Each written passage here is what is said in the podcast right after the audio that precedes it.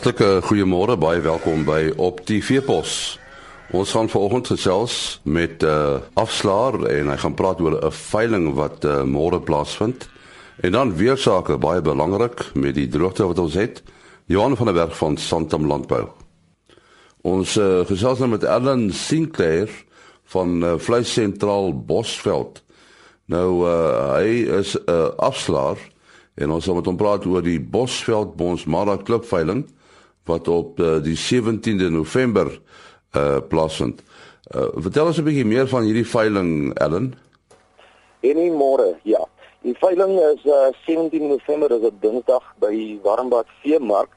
Uh Warmbad Veemark langs die N1, letterlik 'n kilometer van die N1 af. So eerstens baie mooi verleef vir enige aankoper wat wil kom. Uh dis die 27ste veiling wat die Bosveld Klub aanbied.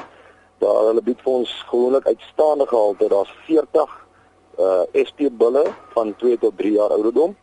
Die vroulike diere sal so 20 SP vroulike diere hoofsaaklik dragtige verse wees en dan die kommersiële diere is so 100.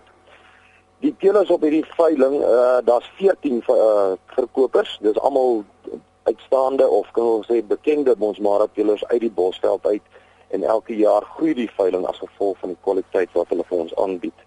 So ons nooi elke koper wat 'n bul soek of kwaliteit aandeel uh, diere kan hulle by ons draai maak die 17 November Dinsdag. Nou die die vraag is uh, is, is daar 'n voordeel in as so 'n klomp ouens bymekaar kom in, in 'n klubvorm vir 'n veiling? O ja, verseker.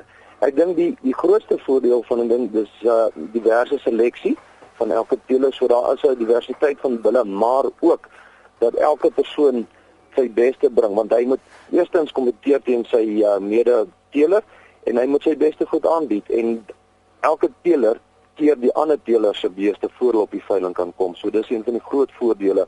Daar's 'n wye verskeidenheid en die kering is ongelooflik streng op daai veiling.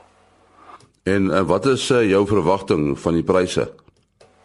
Weet nie, ehm uh, dis altyd moeilik om te sê vooruit veral in omstandighede wat nou dis geweldig droog in die Bosveld maar pryse gewys die bulle enigiets gemiddeld van 30000 daar sal bulle wees wat 60 80000 gaan maar ek glo die gemiddeld op die bulle is so by 30000 vir kwaliteit bulle is dit 'n aanvaarbare prys op die stadium vroulike diere hangend weer eens van die van die reën voor daai tyd maar kom ons sê 10 12 15000 rand vir aandeel diere per stuk eh, Wat is die rol van die afslaer op so 'n veiling? Want dit gaan nie net oor die roster nie, daar's werk wat vooraf gedoen moet word. O, verseker. Ek dink die grootste rol van um, van die afslaer natuurlik is koopkrag.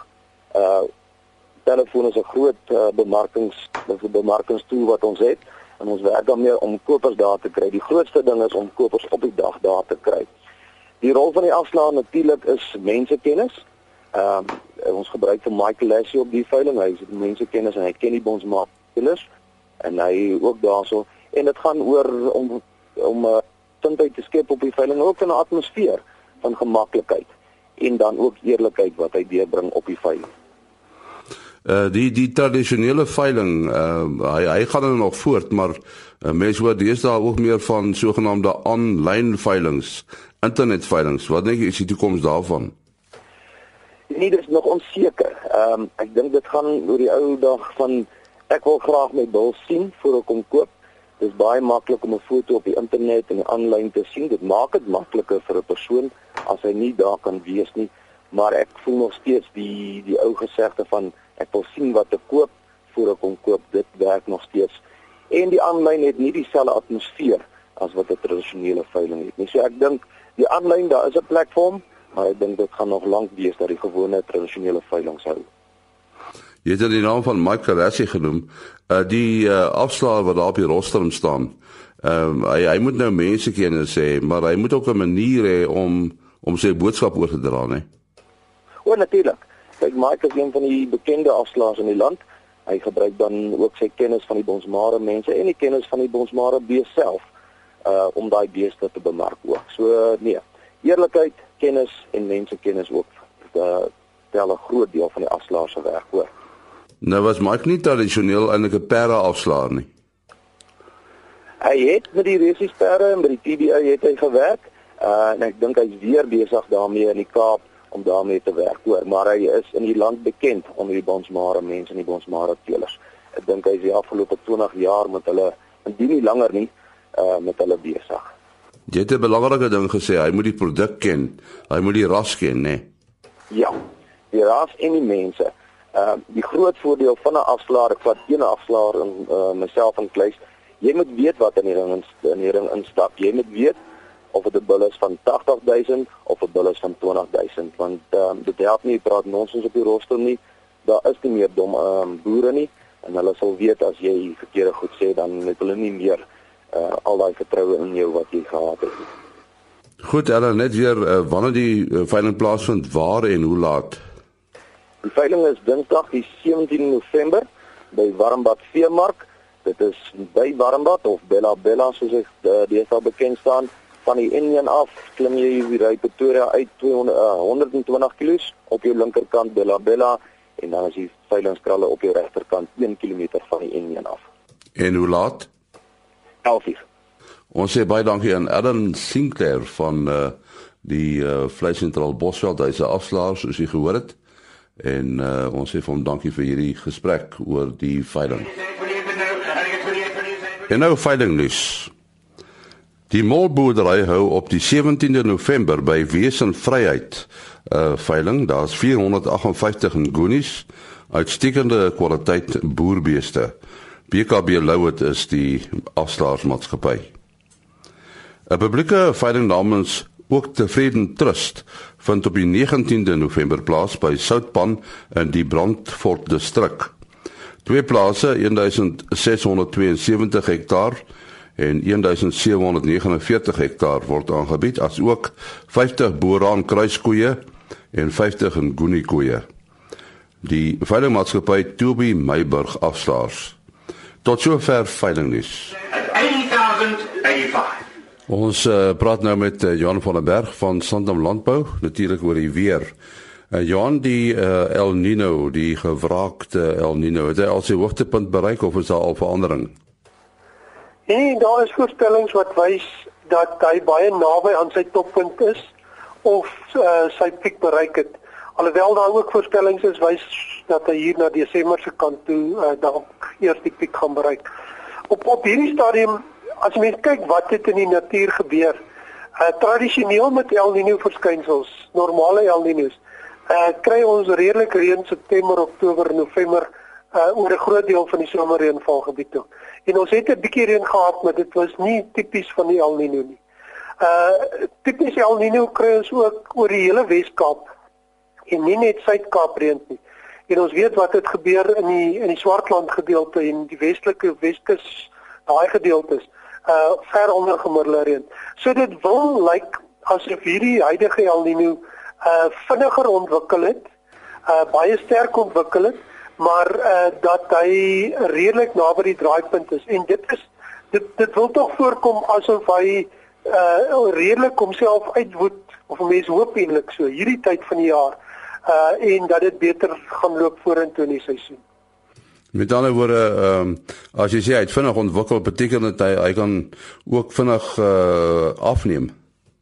Uh, dit is 'n relatiewe term. Ehm um, tradisioneel uh, vat El Nino vat redelik lank om regtig waar uh, om te swaai. Uh so die kanse is omtrent 100% dat as jy mens suiwer na die afsnypunte vir see temperature gaan kyk dat die huidige El Nino tot Maart April hier gaan wees. Maar ons het baie keer in die verlede gesien die afbreekfase van El Nino al, al word hy nog steeds geklassifiseer as El Nino maar daai fase waar hy begin verander en redelik dalk teen die einde vinnig verander is baie keer 'n stimulus vir reënval uh, hier by ons. So en dit is wat ons maar hoop wat hierdie seisoen gaan gebeur. Uh hierdie die huidige El Niño vergelyk op hierdie stadium baie goed met die 1997-98 El Niño. En ons weet daai jare uh was dit ook hierdie tyd baie droog, baie warm geweest en ons het uh, ook en en uh tot ek dink dit dit het begin Januarie het dit begin reën. Daar was 'n bietjie reën voor die tyd gewees, maar die tweede deel van die seisoen het toe redelik beter geword. So dit is wat ons op hierdie stadium hoop wat kan gebeur.